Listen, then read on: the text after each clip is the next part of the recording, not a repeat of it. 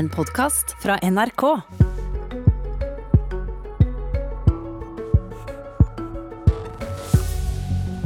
Snur hodene seg i beundring når Norges delegasjon skrider inn i The Scottish Event Campus med verdens mest ambisiøse klimaløfter under armen.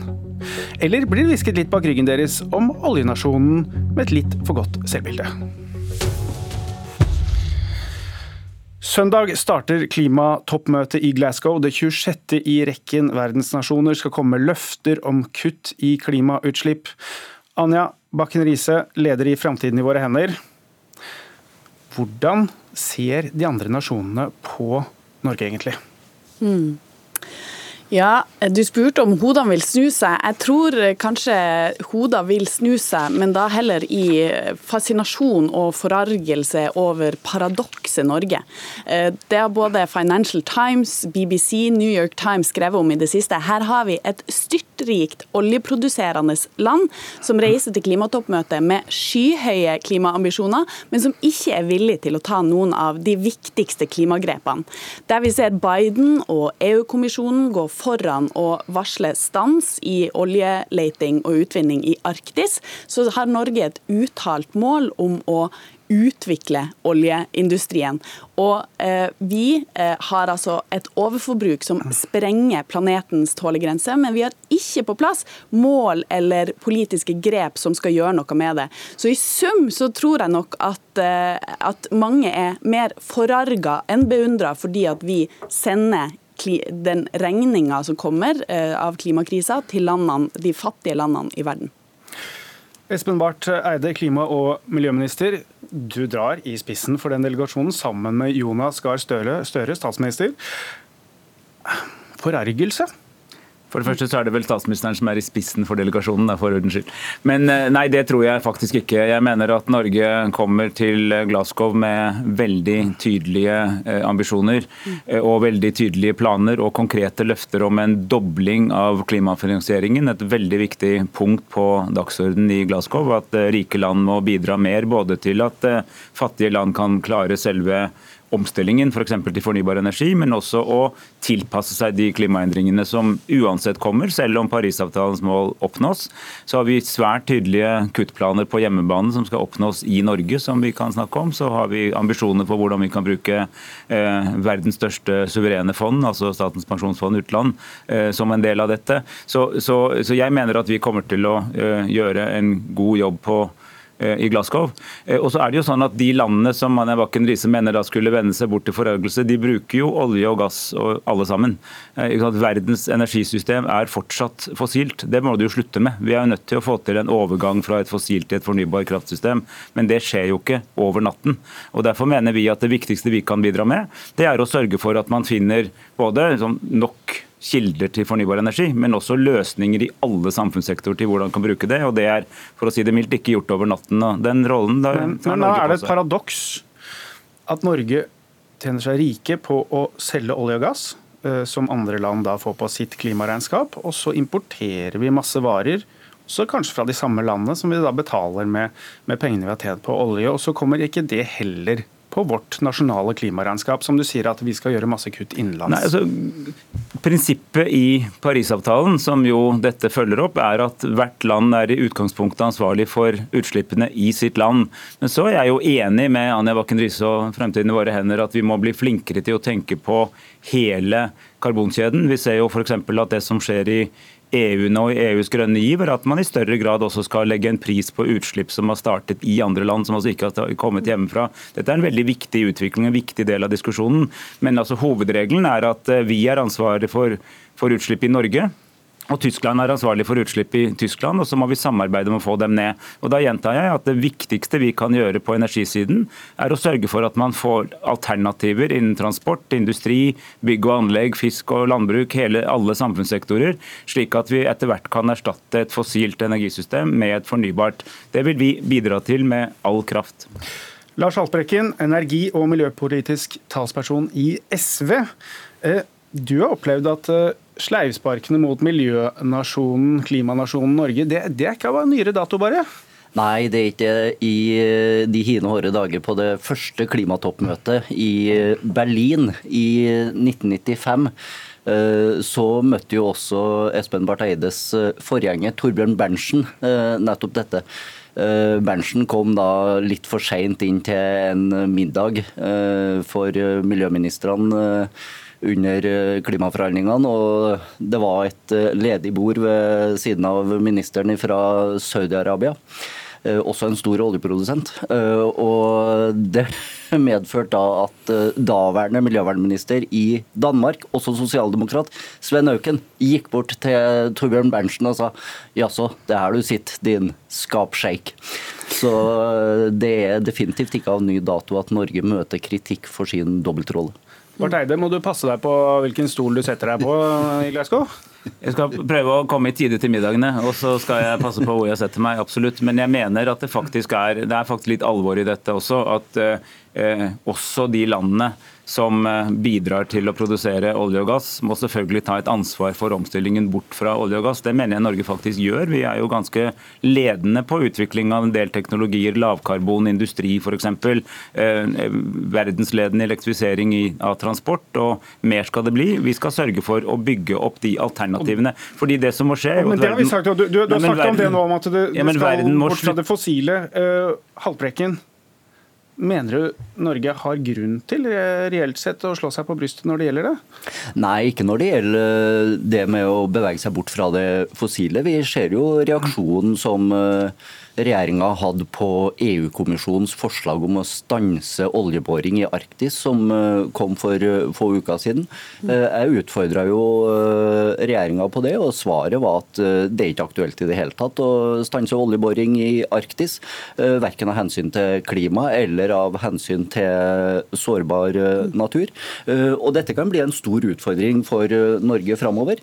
For hvis EU nå får gjennomslag for at man ikke ikke skal drive med oljeboring i Arktis, og at man heller ikke skal kjøpe olje- og gassprodukter fra Arktis, så det jo til å være utfordringer for oss med å få solgt eh, den oljen og gassen som eh, man f.eks. planlegger å hente opp fra Oskar Wisting-feltet, et eh, felt som planlegges utbygd langt nord i Barentshavet. Så her burde Norge og regjeringa virkelig ønska dette initiativet fra EU-kommisjonen velkomment og kasta seg på det og annonsert det. Men det er jo rett og slett ikke riktig at det var reaksjonen. Det vi jo sier er at vi ønsker definitivt å bidra til å legge sterke begrensninger og ikke utvikle oljeproduksjon i sårbare områder.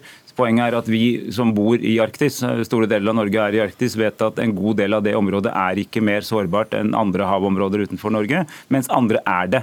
Så da må man gå inn i hva det egentlig er man snakker om. Det er Store deler av det globale Arktis er veldig sårbart, og der er det veldig bra at det blir lagt begrensninger. Så har du andre områder som er helt identiske med Norskehavet og Nordsjøen.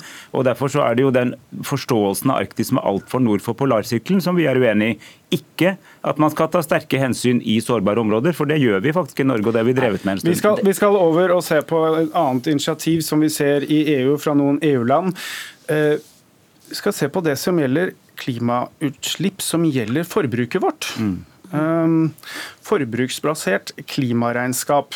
Og Anja Baker Riise, dere i Framtiden i våre hender, dere mener et mer ærlig regnestykke rett og slett på hvordan vi belaster planeten hadde vært å gjøre et ordentlig regnestykke på det i Norge, enn bare å få se stivt på Parisavtalen, som vi gjør i dag når vi i hvert fall skal summere. Mm. Ja, Vi mener at som et supplement til den offisielle geografiske klimastatistikken, så trenger vi å få en bedre oversikt over alle de klimautslippene som oppstår fra alle de varene og tjenestene eh, som vi importerer fra andre land, og alle de reisene vi tar utenfor Norges grenser. I dag så har vi ikke den oversikten over det. Vi har heller ikke noe mål for å eh, kutte noen av disse utslippene. Det innføres heller ikke noe politikk for å ta grep på det. Så det mener vi at den norske regjeringa burde få på plass så snart som overhodet mulig. Vi skal høre et kutt fra SVT, debatt, hvor svenskene utreder nå å innføre et sånt regnskap. De er ferdig på nyåret. Et konsumregnskap, som de kaller det. Just nu så utreder eh, klimatmålsberedningen, der alle partier finnes med, om det behøves et sånt her konsumtionsbasert eh, miljømål i Sverige. Vi tenkte spørre dere alle, allihopa her. Opp med en hand, den som syns at det behøves et sånt mål. Allihopa rekker opp hånden. Wow. En av dem som rakte opp hånden, var deres eh, søsterparti, Barth Eide. Hva, hvor mange er det som ville rekket opp hånden for det her i studio?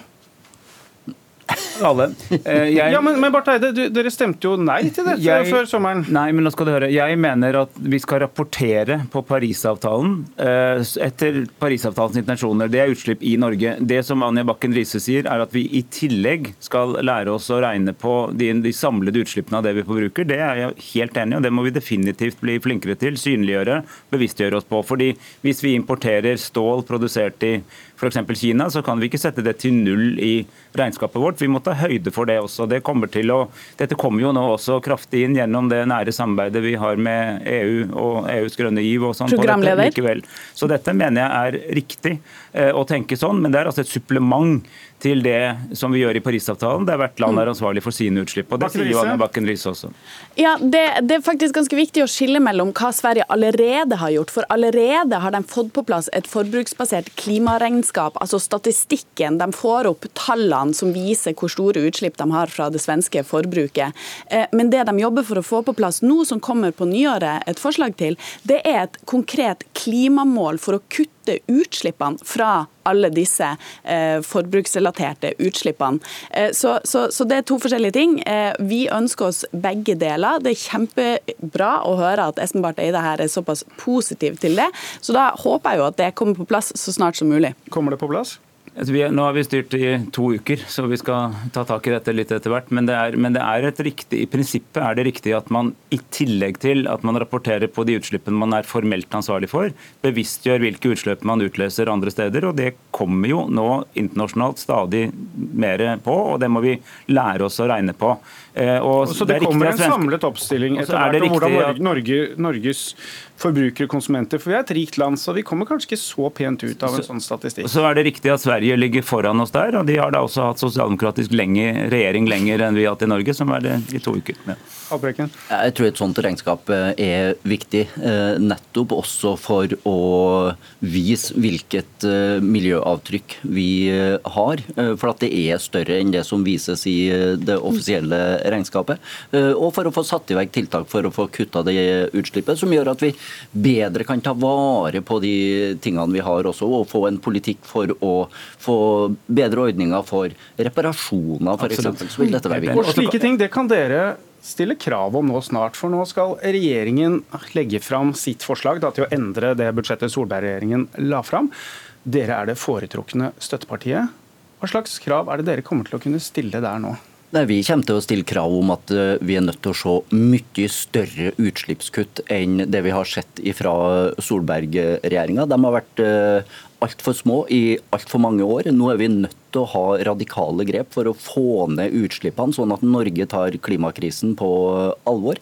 Og Det vi trenger å se da, er utslippskutt innenfor oljesektoren, som er dem som har økt sine utslipp aller mest, og som er ø, de største forurenserne i Norge. Vi trenger å se utslippskutt innenfor transportsektoren. Vi trenger å se utslippskutt innenfor industrien. Ja, gjennom hele fjøla dersom vi skal nå våre internasjonale klimamål. For at sannheten er jo at vi i dag ligger milevis fra våre klimamål, og det trengs nye, tøffe grep for å få ned utslippene. Det høres ut som det ligger ganske langt unna regjeringens politikk også, Espen Barth Eide. Det var en grunn til at SV gikk ut fra forhandlingene. Lang- lang Hvorfor er du nødt til å nei. forhandle det med SV? Ja, Det ser jeg fram til, fordi SV har et eh, sterkt og bra engasjement på dette som jeg deler. Men vi har jo nå sagt at vi skal, vi skal altså oppnå 55% kutt i hele økonomien, både kvotepliktig og ikke-kvotepliktig sektor, i Norge.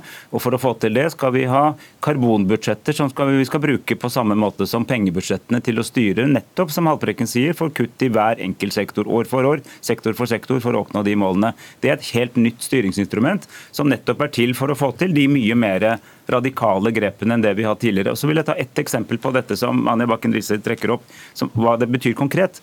Vi har nå sagt i Hurdalsplattformen at vi vil at eh, alt fôr i Norge, altså det betyr både fiskefôr og dyrefôr, skal være bærekraftig innen 2030. Det betyr betydelig mindre import og mye mer nasjonal produksjon. Det er et veldig godt eksempel på hvordan du kan få ned de globale utslippene i en viktig sektor for Norge. Fem sekunder. Det er veldig fint med langsiktige mål fram mot 2030, men det vi trenger er handling og konkrete utslippskutt i denne stortingsperioden, når vi sitter med ansvaret. Tusen takk til eh, klima- og miljøminister Espen Barth Eide, Anja Bakken Riise og Lars Haltbrekken. Mitt navn er Trond Lydersen. Du har hørt en podkast fra NRK. Hør flere podkaster og din NRK-kanal i appen NRK Radio.